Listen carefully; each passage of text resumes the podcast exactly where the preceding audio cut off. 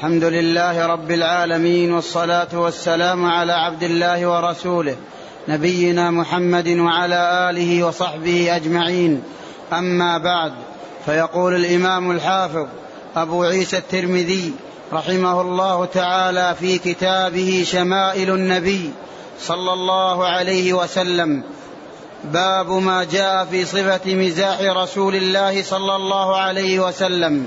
قال حدثنا محمود بن غيلان قال حدثنا أبو أسامة عن شريك عن عاصم الأحول عن أنس بن مالك رضي الله عنه عن أن النبي صلى الله عليه وسلم قال له يا ذا الأذنين قال محمود قال أبو أسامة يعني يمازحه.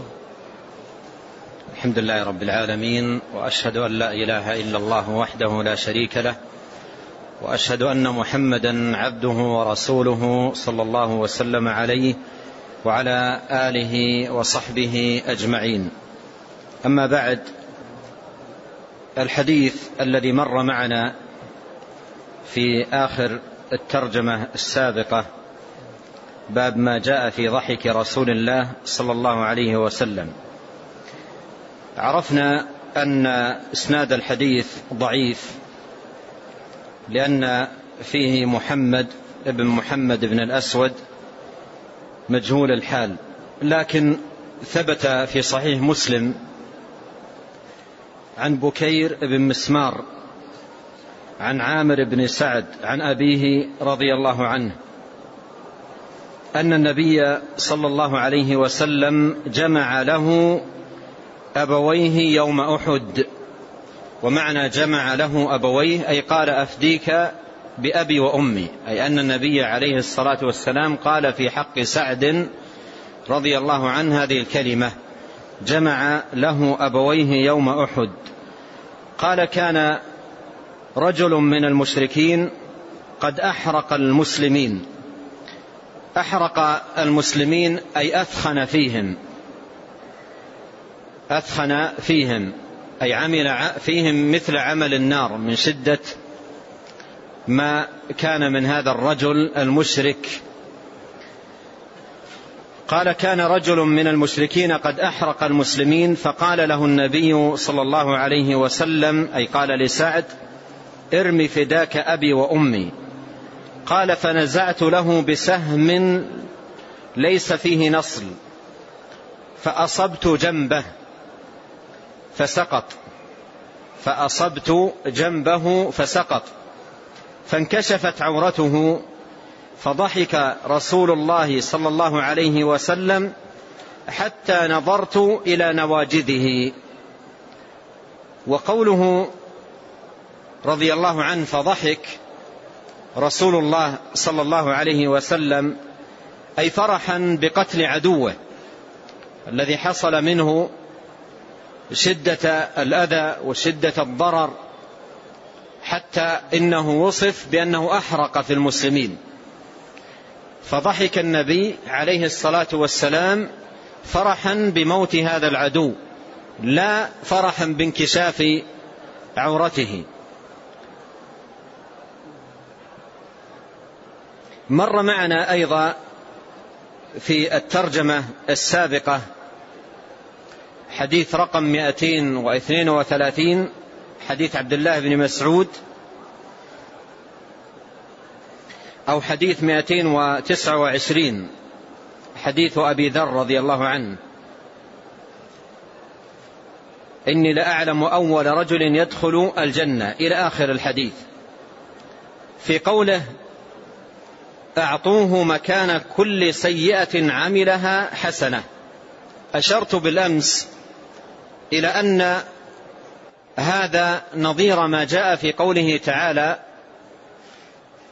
والذين لا يدعون مع الله إلها آخر ولا يقتلون النفس التي حرم الله إلا بالحق ولا يزنون ومن يفعل ذلك يلقى أثاما إلا من تاب. يلقى يضاعف له العذاب يوم القيامة ويخلد فيه مهانا إلا من تاب وآمن وعمل عملا صالحا. فأولئك يبدل الله سيئاتهم حسنات. والمراد بأنه نظيره أي في كون كل منهما يحصل له تبديل تبدل سيئاته حسنات. لكن ثمة فرق بين الذي ذكر في الآية وهو التائب وبين الذي ذكر في هذا الحديث وهو المصر. الذي لقي الله عز وجل بذنبه. والدليل على ذلك أنه دخل النار لأن التائب من الذنب لا يدخل النار. من صدق مع الله عز وجل في توبة من ذنوبه لا يدخل النار. فإن التوبة كما جاء في الحديث تجب ما قبلها.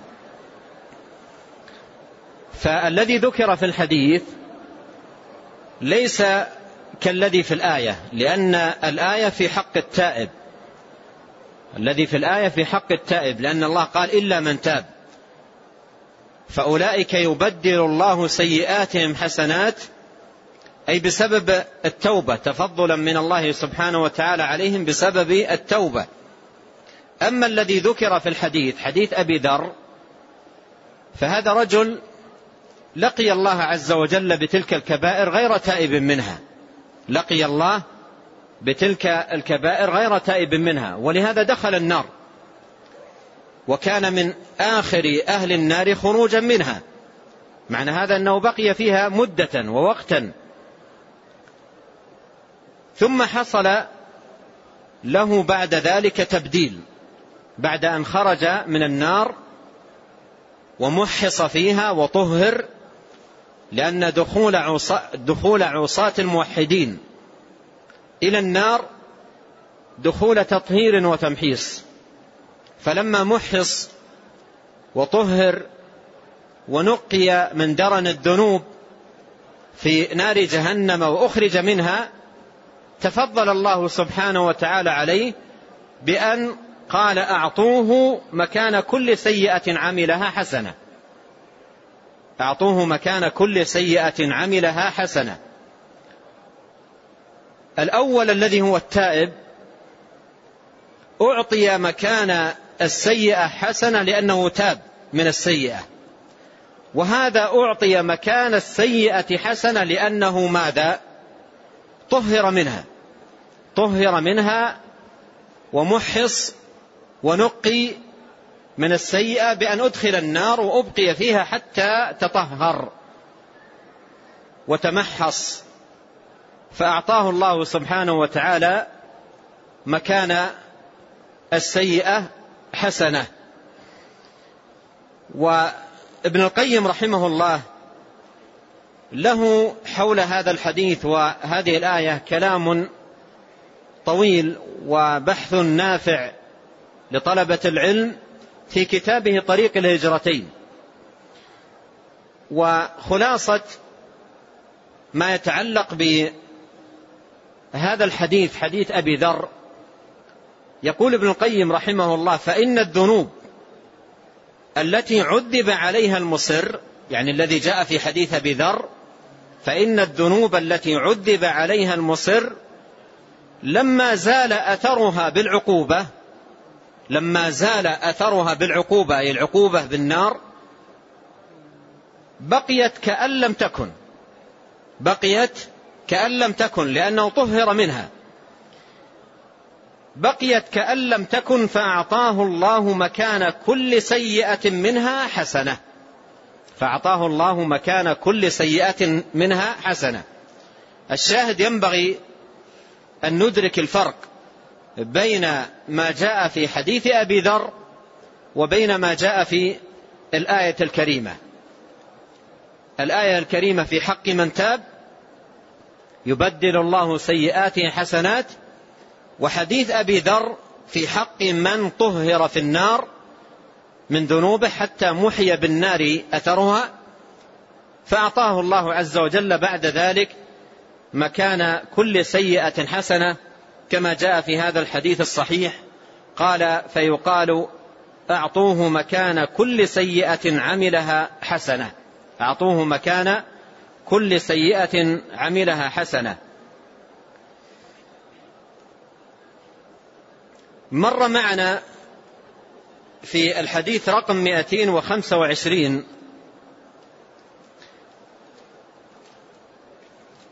حديث هند بن أبي هالة في وصف النبي ذكر أوصاف النبي عليه الصلاة والسلام وكيف كان منطق رسول الله صلى الله عليه وسلم. في الحديث كلمة آه، ضبطها فيه خطأ.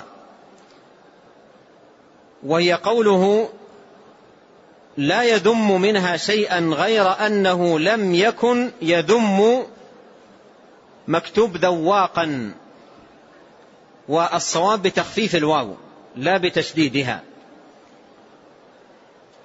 لا لا يذم منها شيئا غير أنه لم يكن يذم ذواقا بتخفيف الواو لا بتشديدها.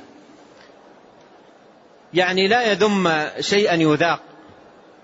لا يذم شيئا يذاق. لا يذم شيئا من الطعام. صلوات الله وسلامه عليه. قال المصنف رحمه الله تعالى باب ما جاء في صفة مزاح رسول الله صلى الله عليه وسلم. باب ما جاء في صفة مزاح رسول الله صلى الله عليه وسلم. هذه الترجمة عقدها المصنف رحمه الله تعالى لبيان ما يتعلق بصفة مزاح رسول الله صلى الله عليه وسلم.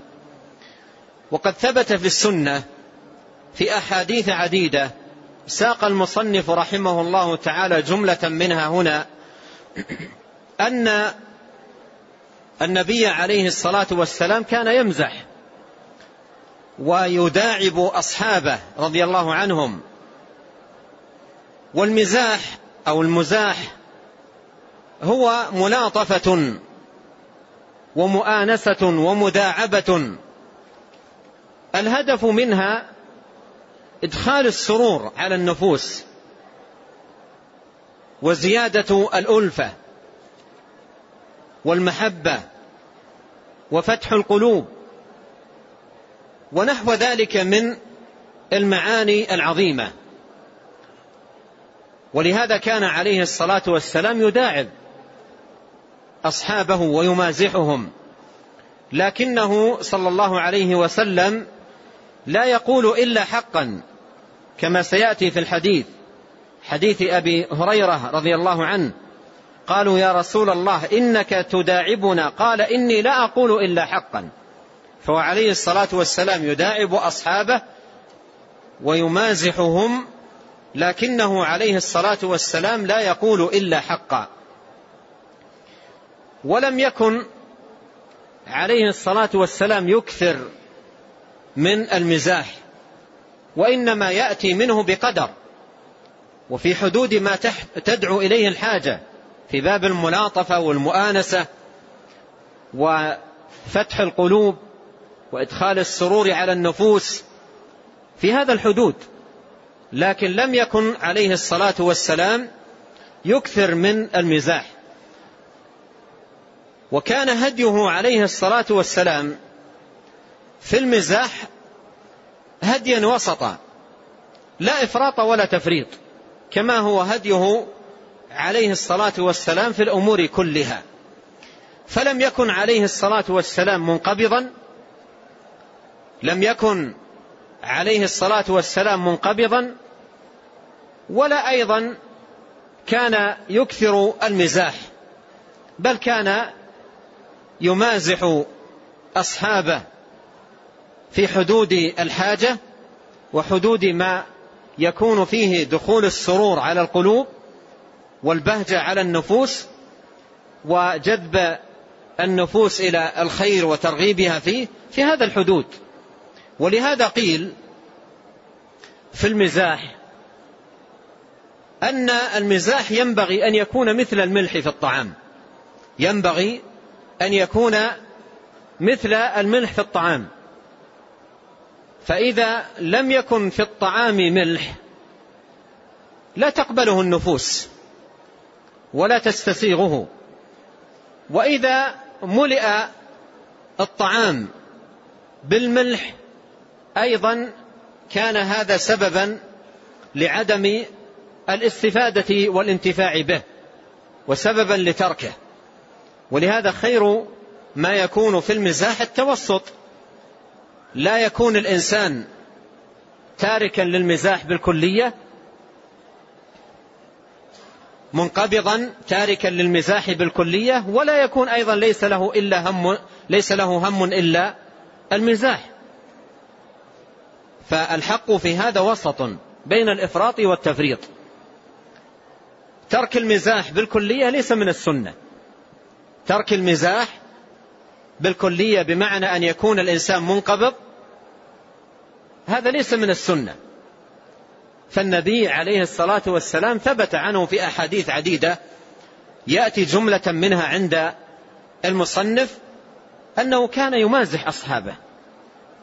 والإكثار من المزاح وملء الأوقات به وأن يكون شغل الإنسان الشاغل أيضا ليس من السنة ليس من سنة النبي صلى الله عليه وسلم ولا من هديه. وهديه عليه الصلاة والسلام قوام بين ذلك.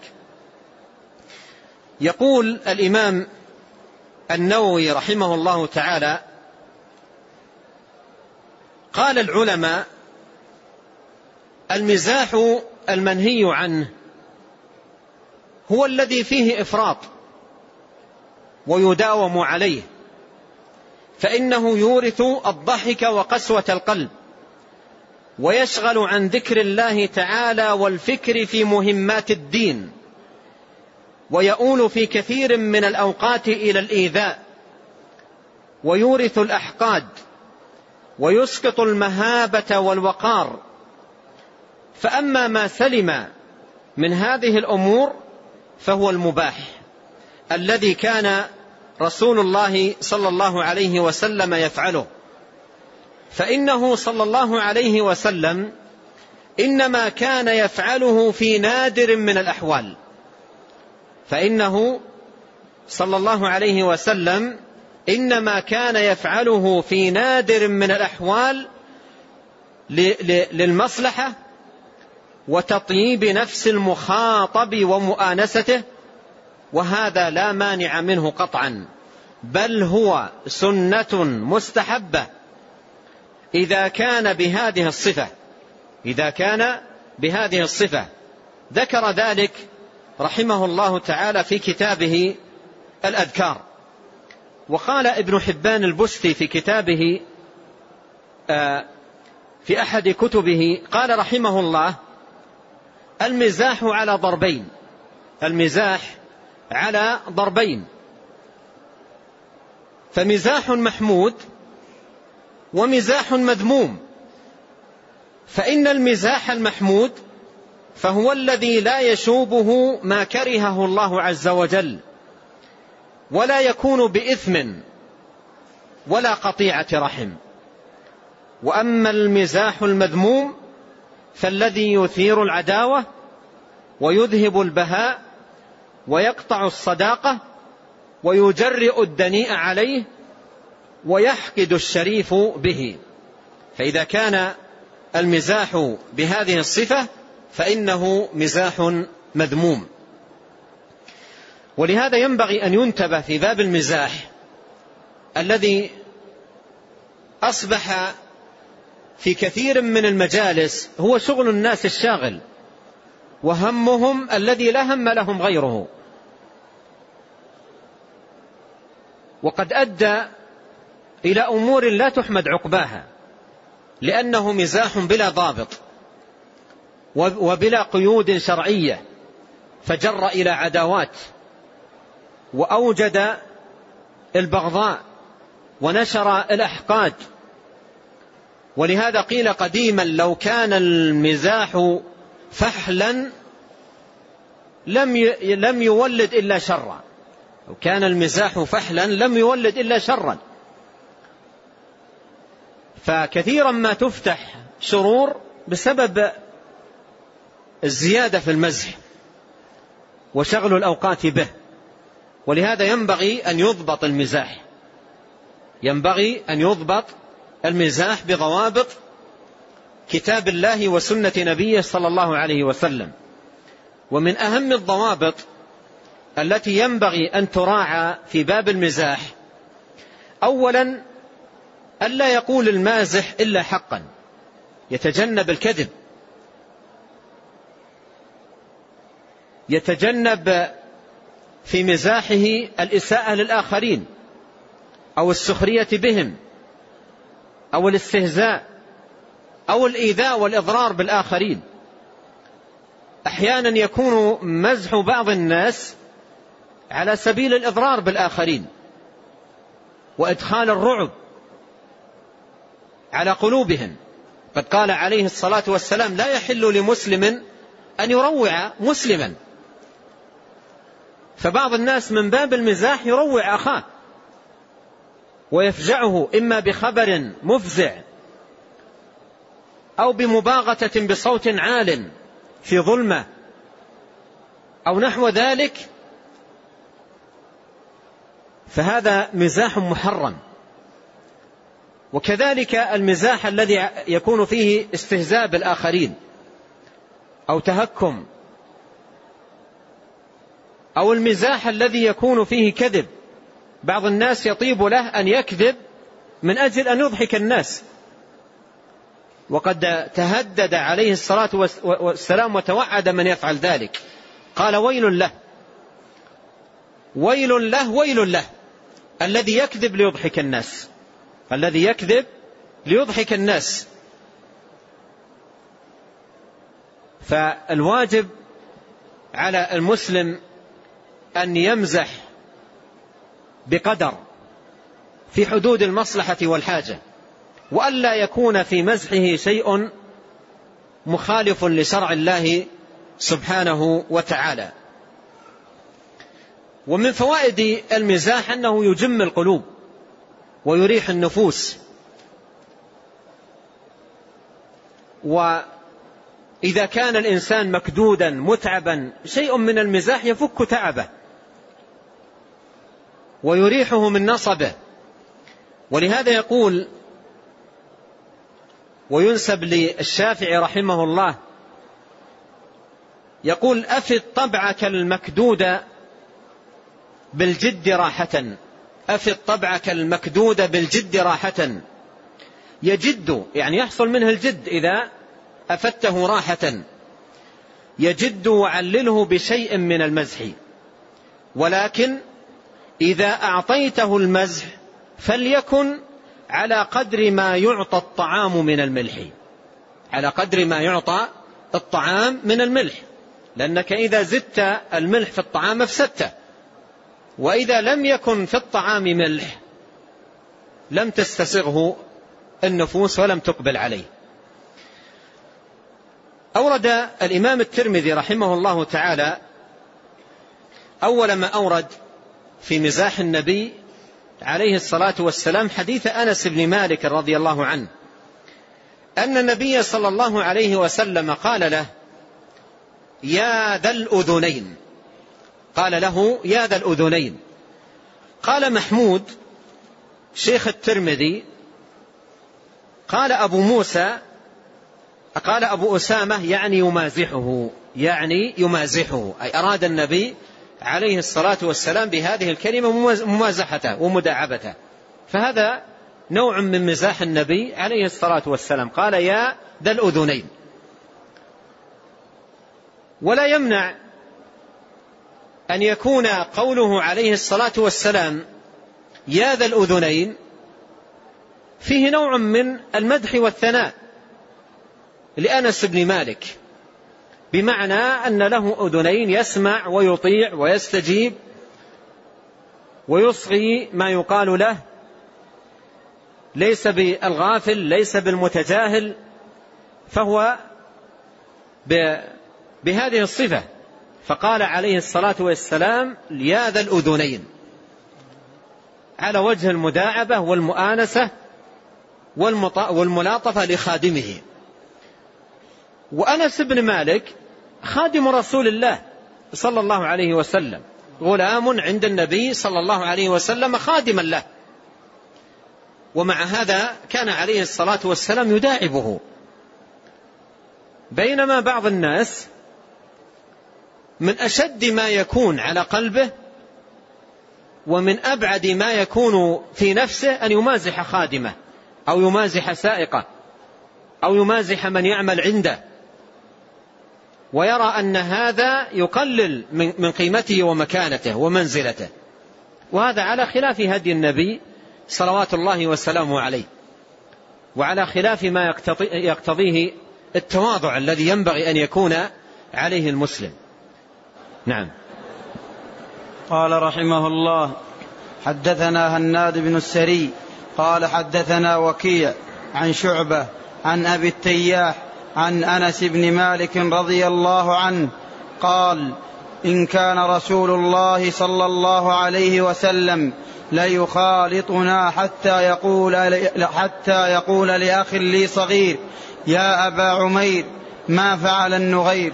قال أبو عيسى وفقه هذا الحديث أن النبي صلى الله عليه وسلم كان يمازح وفيه أنه كنا غلاما صغيرا فقال له يا أبا عمير وفيه أنه لا بأس أن يعطى الصبي الطير ليلعب به وإنما قال له النبي صلى الله عليه وسلم يا أبا عمير ما فعل النغير لأنه كان له نغير يلعب به فمات فحزن الغلام عليه فمازحه النبي صلى الله عليه وسلم فقال يا أبا عمير ما فعل النغير الحديث السابق حديث أنس إسناد المصنف فيه شريك وهو القاضي صدوق يخطئ كثيرا.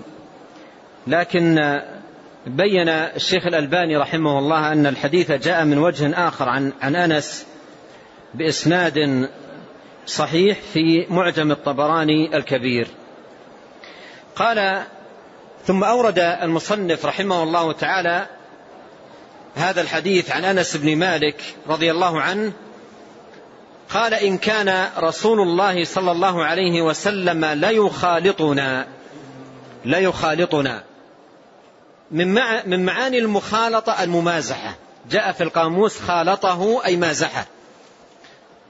فكان يخالطنا أي يداعبنا يمازحنا. يكون منه عليه الصلاة والسلام مداعب لنا.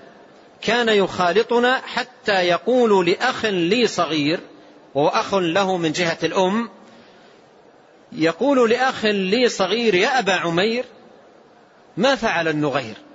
يا أبا عمير ما فعل النغير؟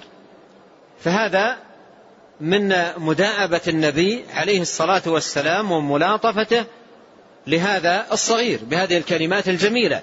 يا أبا عمير ما فعل النغير. وأبو عمير كان عنده طائر. طائر صغير ويلعب به وإذا كان اللعب بالطير ليس فيه إيذاء له ولا إضرار به فإنه مباح. إذا كان ليس فيه إيذاء ولا إضرار به يضعه الإنسان على كفه أو نحو ذلك فلا ضير في ذلك. وكذلك إذا حبسه عنده في قفص بشرط أن يكرمه بالماء وبالحب ليسمع صوته لينظر إلى جماله وحسنه وينظر إلى حركاته لا بأس بذلك. لا بأس بذلك. كما يدل على هذا هذا الحديث وكذلك قول النبي صلى الله عليه وسلم في التي حبست الهرة. قال لا هي حبستها فأطعمتها ولا هي التي تركتها تأكل من خشاش الأرض. يعني لو أنها حبستها وأطعمتها وفرت لها الماء والطعام لا ضير. لكن أن تحبس أو يحبس الطير في القفص إلى أن يموت هذا لا يجوز. فهذا الغلام كان له طائر وكان يلعب به وكان يلعب به. ثم إن هذا الطائر مات. إن هذا الطائر مات وحزن عليه. فأراد النبي عليه الصلاة والسلام أن يباسطه ويؤانسه ويزيل عنه حزنه. فقال يا أبا عمير ما فعل النغير؟ يا أبا عمير ما فعل النغير؟ على وجه المداعبة والملاطفة والمؤانسة منه صلوات الله وسلامه عليه. وهذا الحديث كما بين أهل العلم ومنهم الترمذي رحمه الله بإشارته السريعة هنا في فوائد كثيرة جدا. في فوائد كثيرة جدا. وبعض أهل العلم أوصل الفوائد إلى ستين فائدة المستنبطة من هذا الحديث. يا أبا عمير ما فعل النغير؟ مثل ما صنع الحافظ بن حجر في فتح الباري. وبعضهم زاد على ذلك بشيء كثير فوائد تستنبط من هذا الحديث. وكان بعض الناس تهجم على علماء الحديث وقال إنهم يروون أشياء لا فائدة فيها. مثل أن النبي صلى الله عليه وسلم لقي غلاما وقال يا أبا عمير ما فعل النغير قال يروون أشياء لا فائدة فيها. وهذا يقوله الجاهل بسنة النبي صلى الله عليه وسلم ومكانة حديثه صلوات الله وسلامه عليه. وأما أهل العلم والبصيرة بهديه وسنته صلى الله عليه وسلم فقد استنبطوا من هذا الحديث الفوائد الكثيرة المتنوعة. ومن فوائد هذا الحديث ما أشار إليه الإمام الترمذي رحمه الله قال وفقه هذا الحديث أن النبي صلى الله عليه وسلم كان يمازح. هذا من فوائد الحديث. من فوائد الحديث أن النبي عليه الصلاة والسلام كان يمازح. فالمزاح كان من فعله صلوات الله والسلام عليه. وفيه أنه كن غلاما صغيرا. من فوائد الحديث أن الغلام الصغير يكنى ليس من شرط الكنية أن يكون للإنسان ولد فيكنى به. بل حتى لو كان غلاما صغيرا يكنى. يا أبا فلان مثل ما كان النبي عليه الصلاة والسلام هذا الصحابي. قال يا أبا عمير وفيه أنه لا بأس أن يعطى الصبي الطير ليلعب به. لأن النبي صلى الله عليه وسلم كان يرى الطير في يده ولم ينهوا عنه. لكن لا يؤذى الطير. لا, لا, لا, يجوز أن يكون في يده بحيث يؤذيه. فإذا آذاه يمنع. أما إذا كان يلعب به في, في بدون أذية له وبدون إضرار به فلا بأس بذلك. قال وفيه أنه لا بأس أن يعطى الصبي الطير ليلعب به. قال وإنما قال له النبي صلى الله عليه وسلم يا أبا عمير ما فعل النغير؟ لأنه كان له نغير يلعب به فمات. فحزن الغلام عليه فمازحه النبي صلى الله عليه وسلم. فقال يا أبا عمير ما فعل النغير؟ ومن فوائد الحديث تواضع النبي عليه الصلاة والسلام وكمال خلقه. وملاطفته صلوات الله وسلامه على صلوات الله وسلامه عليه للصغار ومؤانسته لهم وإدخال السرور على قلوبهم. إلى غير ذلك من المعاني العظيمة والفوائد الجليلة المستفادة من هذا الحديث. وشاهد الحديث للترجمة أن النبي عليه الصلاة والسلام كان يمازح والصغير الصغير ملاطفته وممازحته تجعله يحب الكبار يحب الكبار ويحب الاقتداء بهم ويحب سماع مناصحتهم وحضور مجالسهم بخلاف ما إذا كان يعامل الصغير بالفظاظة والغلظة والشدة فإن نفسه تنفر. نعم.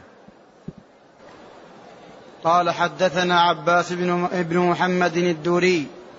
قال حدثنا علي بن الحسن بن شقيق قال أنبانا عبد الله بن المبارك عن أسامة بن زيد عن سعيد المقبري عن أبي هريرة رضي الله عنه قال قالوا يا رسول الله إنك تداعبنا قال إني لا أقول إلا حقا ثم أورد رحمه الله تعالى هذا الحديث عن أبي هريرة رضي الله عنه قال قالوا أي الصحابة رضي الله عنهم أرضاهم يا رسول الله إنك تداعبنا أي تمازحنا. فقال عليه الصلاة والسلام إني لا أقول إلا حقا إني لا أقول إلا حقا.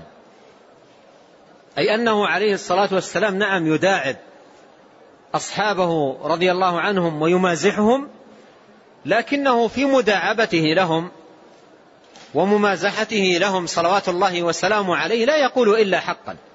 لا يقول إلا حقا. يمزح ويأتي بكلمات على وجه المداعبة والمزح لكن لا يقول إلا حقا. جاءته امرأة وذكرت له شيئا عن زوجها. قال ذاك الذي في عينيه بياض. قالت ليس في عينيه بياض. قالت ليس في عينيه بياض. فمراده عليه الصلاة والسلام في عينيه بياض كل عين لا بد فيها من بياض وسواد لم يقل إلا حقا. لكنها توهمت شيئا آخر لكنه مازح عليه الصلاة والسلام ولم يقل إلا حقا ولم يقل إلا حقا. سيأتي قصة المرأة العجوز التي جاءت إلى النبي عليه الصلاة والسلام تقول ادعو الله أن يدخلني الجنة. قال يا أم فلان إن الجنة لن تدخلها عجوز. لن تدخلها عجوز. ذهب ذهنها إلى شيء والنبي صلى الله عليه وسلم لم يقل إلا حقا. لم يقل إلا حقا. أي أن المرأة العجوز لا تدخل الجنة عجوزا وإنما تدخلها شابة. بسن ثلاث وثلاثين. هذا مراده عليه الصلاة والسلام. فيمازح عليه الصلاة والسلام ويداعب لكنه لا يقول إلا حقا. ولهذا من الضوابط المهمة في باب المزاح أن المسلم إذا مازح يجب عليه ألا يكذب. والمزاح بالكذب فيه وعيد. ومر معنا الحديث ويل له ويل له ويل له. هذا وعيد. قال الذي يكذب ليضحك الناس. الذي يكذب ليضحك الناس. ففيه وعيد. ولهذا يجب على على المسلم إذا أراد أن يمزح ألا يكذب. وأن يتجنب الكذب جادا أو مازحا. لأن الكذب ليس من خلق المسلم ولا من صفته. قال عليه الصلاة والسلام إني لا أقول إلا حقا. نعم. قال حدثنا قتيبة قال أخبرنا خالد بن عبد الله عن حميد عن أنس رضي الله عنه أن رجلا استحمل رسول الله صلى الله عليه وسلم فقال إني حاملك على ولد ناقة فقال يا رسول الله وما أصنع وما أصنع بولد الناقة فقال صلى الله عليه وسلم وهل تلد الإبل إلا النوق؟ ثم أورد رحمه الله تعالى هذا الحديث عن أنس بن مالك رضي الله عنه أن رجلا استحمل رسول الله صلى الله عليه وسلم. استحمل رسول الله. طلب منه أن يعطيه صلوات الله وسلامه عليه آه، ناقة يركبها. ناقة تحمله ويركبها. استحمل رسول الله. أي طلب من أن يعطيه ناقة تحمله. فقال عليه الصلاة والسلام إني حاملك على ولد الناقة. إني حاملك على ولد الناقة. فهم أن النبي عليه الصلاة والسلام سيعطيه ماذا؟ ولد ناقة يعني صغير والصغير لا يركب. الصغير ولد الناقة الصغير لا يركب. ففهم أن النبي صلى الله عليه وسلم سيعطيه ولد الناقة. فقال يا رسول الله ما أصنع بولد الناقة؟ ما أصنع بولد الناقة؟ يعني إذا أعطيتني ولد الناقة كيف أركبه؟ ولد الناقة الصغير لا يحتمل الركوب. فقال النبي عليه الصلاة والسلام وهل تلد الإبل إلا النوق؟ وهل تلد الإبل إلا النوق؟ يعني ولد الناقة يطلق على الصغير من الإبل والكبير كلها ولد ناقة.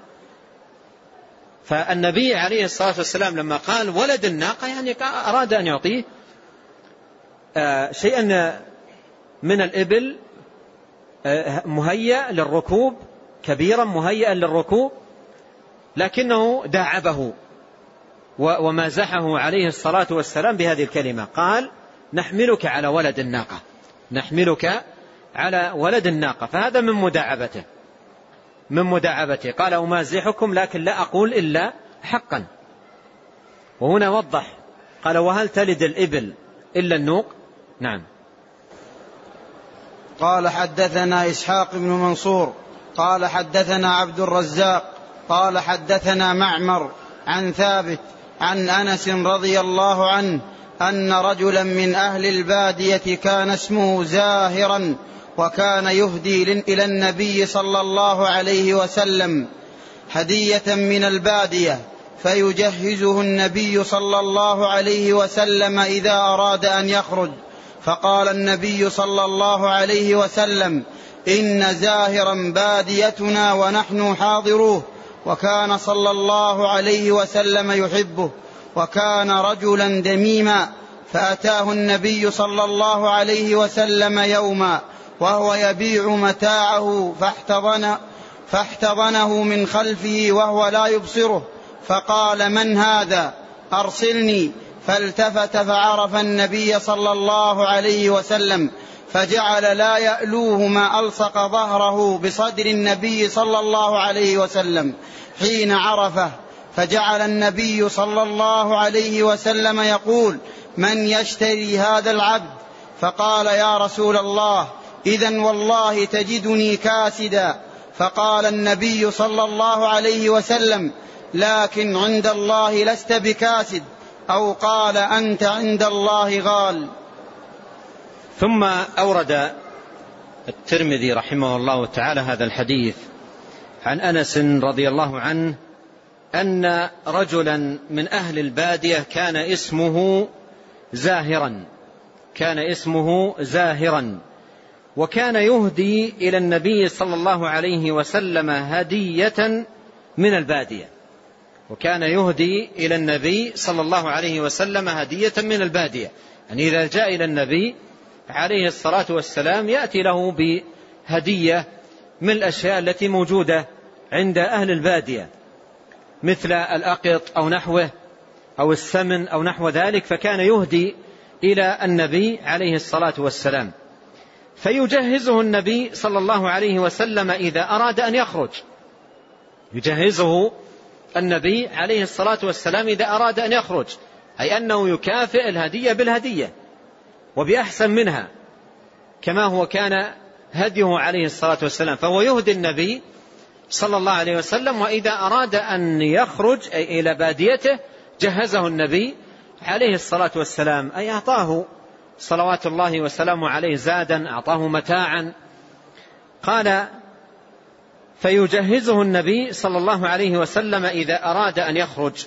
فقال النبي صلى الله عليه وسلم إن زاهرا باديتنا ونحن حاضروه. إن, إن زاهرا باديتنا ونحن حاضروه.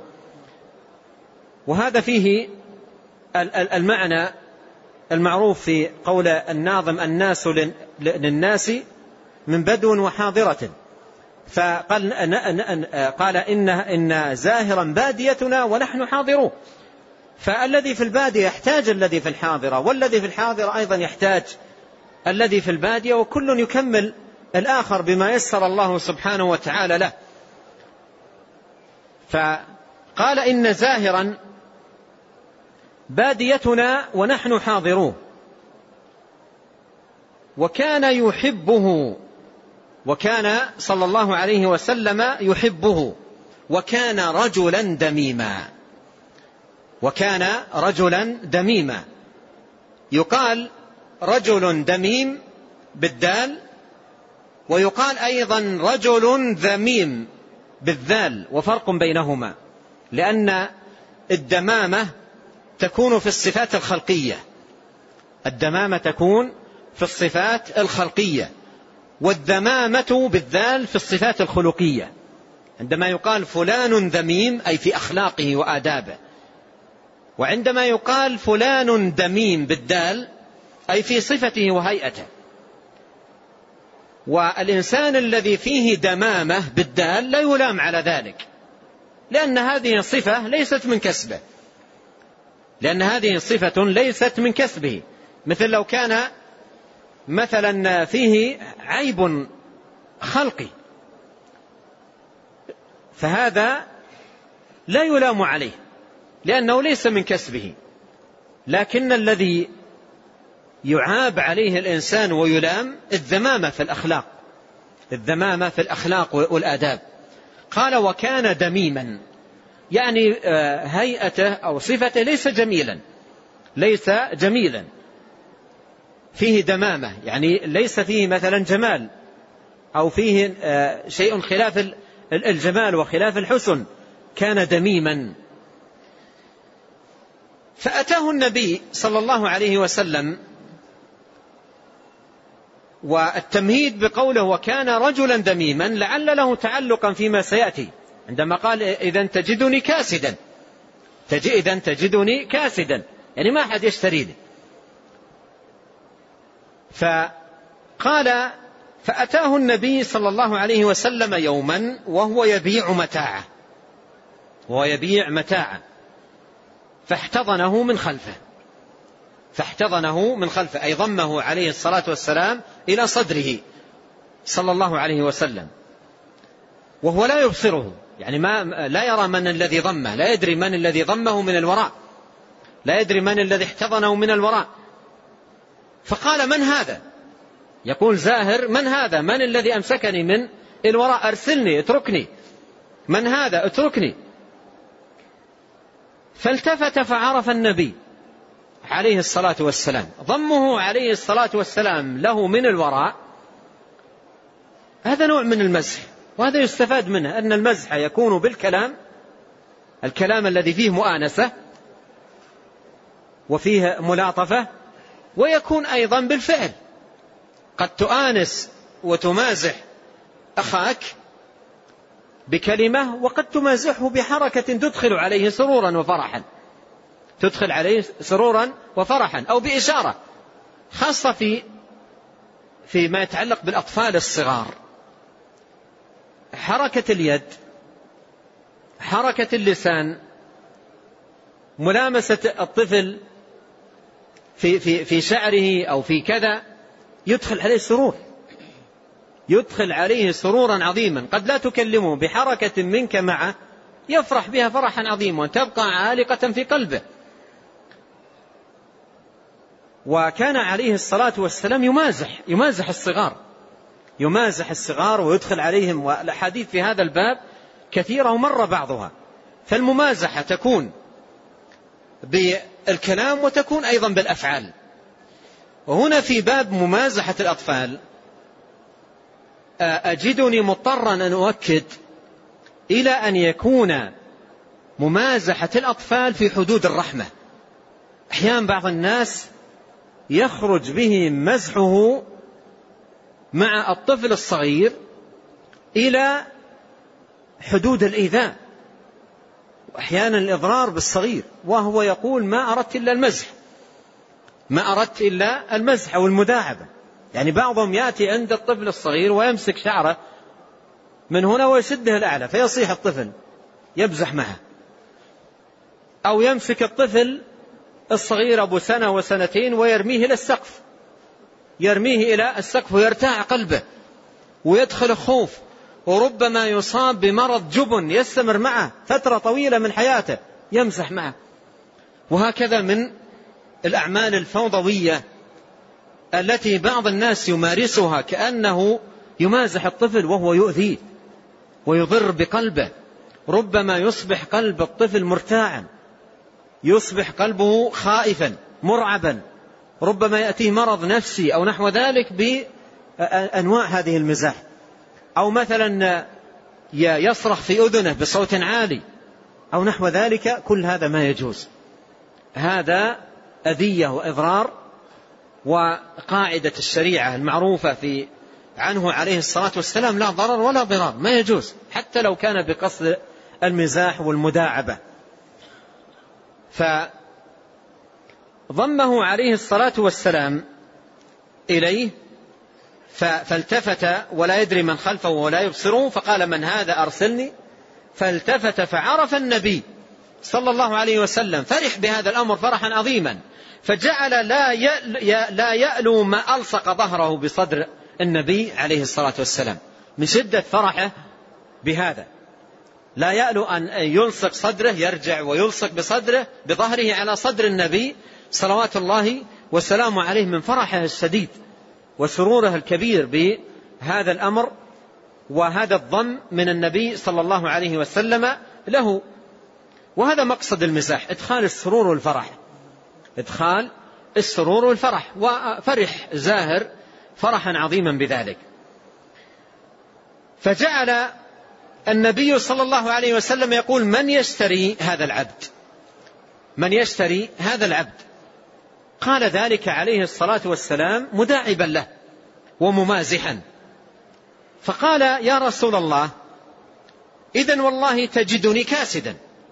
إذا والله تجدني كاسدا.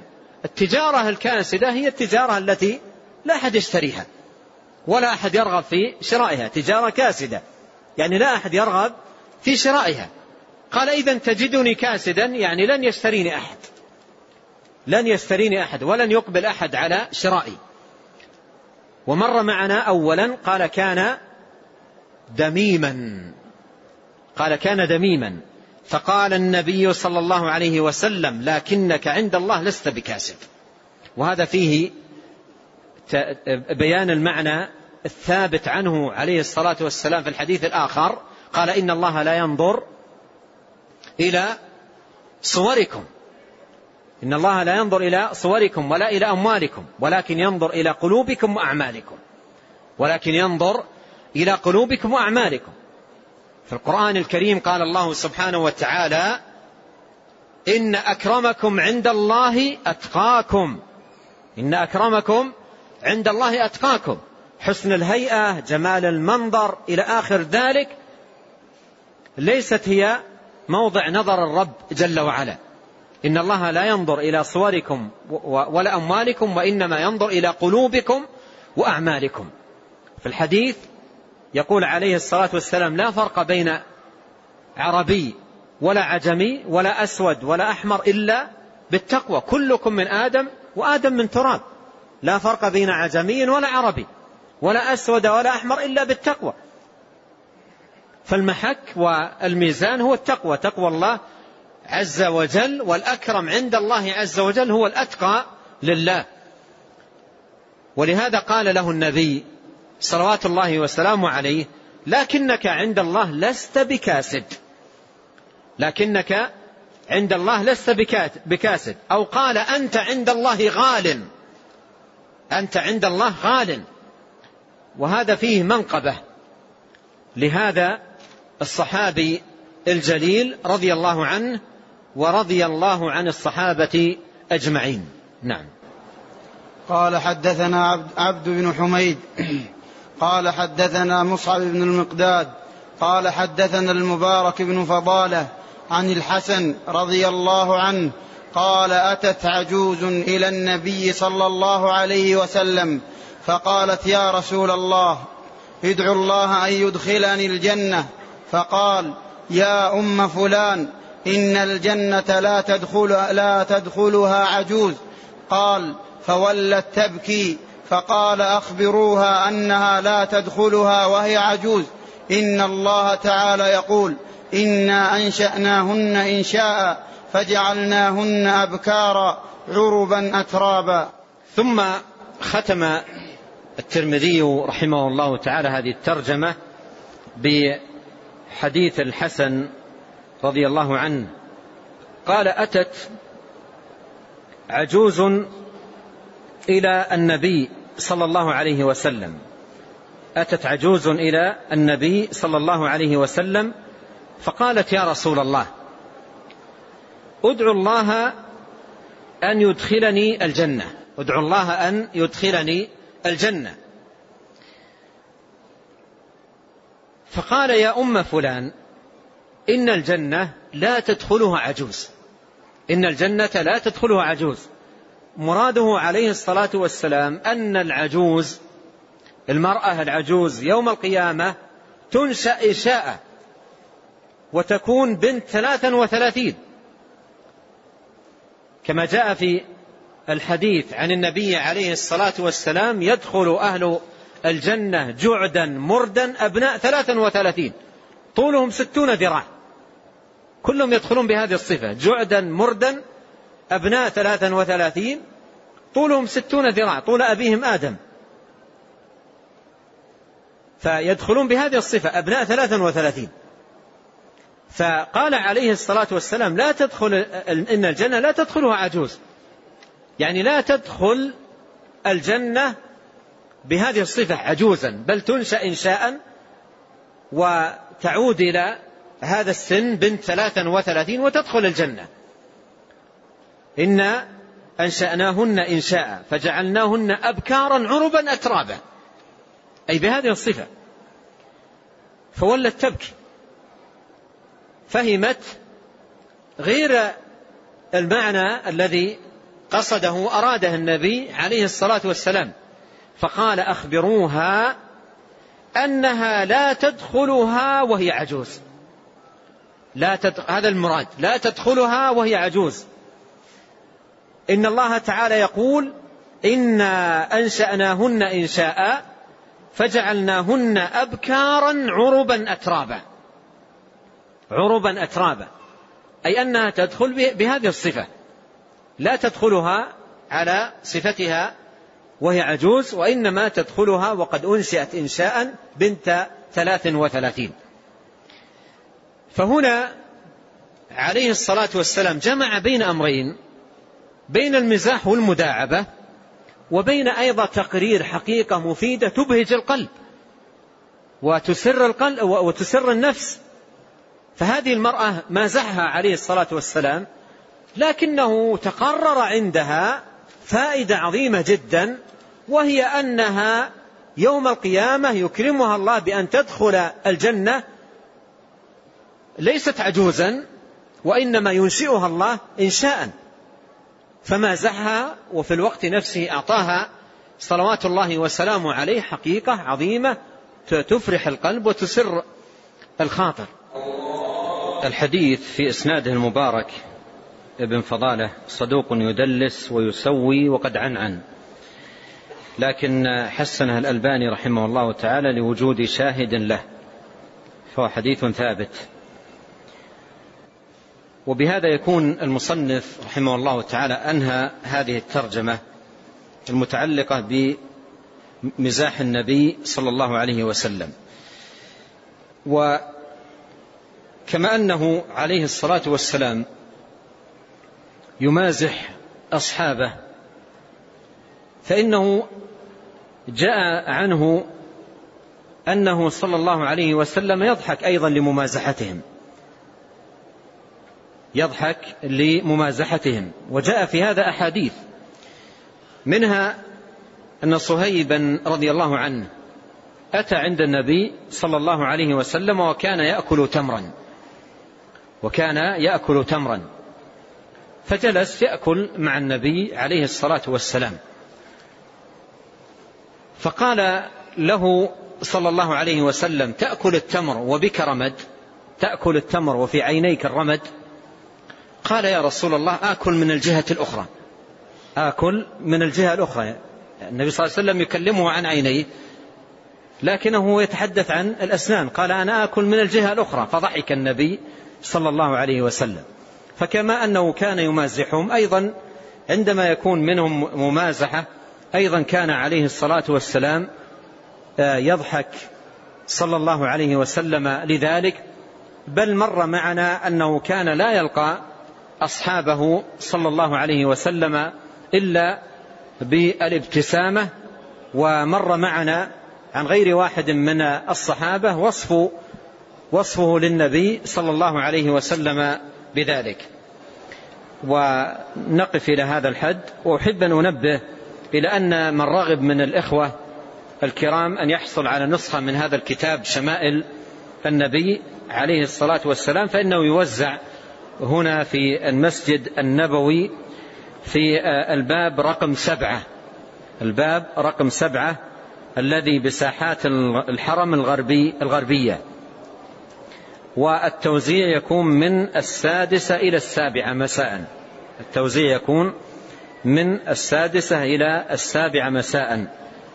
عند الباب رقم سبعة بالساحات الغربية في هذه الجهة والتوزيع من الساعة السادسة إلى السابعة مساء. والله تعالى أعلم وصلى الله وسلم على عبده ورسوله نبينا محمد وآله وصحبه أجمعين. نعم. جزاكم الله خيرا وبارك الله فيكم وغفر الله لنا ولكم وللمسلمين. هذا سائل يقول ما حكم التوسع فيما يسمى التورية لغير الحاجة بل على سبيل المزاح مع عدم الكذب. التورية تختلف عن المداهنة. التورية جائزة والمداهنة محرمة. والتورية لا يتوصل منها الإنسان لباطل ولا تكون على حساب الدين. لا يتوصل الإنسان منها لباطل ولا تكون أيضا على حساب الدين. لكن ما ينبغي أن تكون ديدنا للإنسان. لا, لا ينبغي أن تكون ديدنا للإنسان وإنما يصير إلى التورية عند الحاجة. يصير إليها عند الحاجة. وفي المعاريض مندوحة عن الكذب. لا أن يكون هذا ديدنا للإنسان ويداوم على ذلك وإنما إذا فعل التورية عند آه، الحاجة فلا بأس بذلك. نعم. يقول ما حكم ما يسمى بألعاب التحدي بين الحيوانات مثل التحريش بين الطيور؟ هذا محرم. هذا محرم وجاء فيها أحاديث وقد أورد بعضها الإمام البخاري رحمه الله تعالى في كتابه الأدب المفرد ومرت معنا في مجالس في هذا المكان في شرح كتاب الأدب المفرد. فهذا أمر لا يجوز.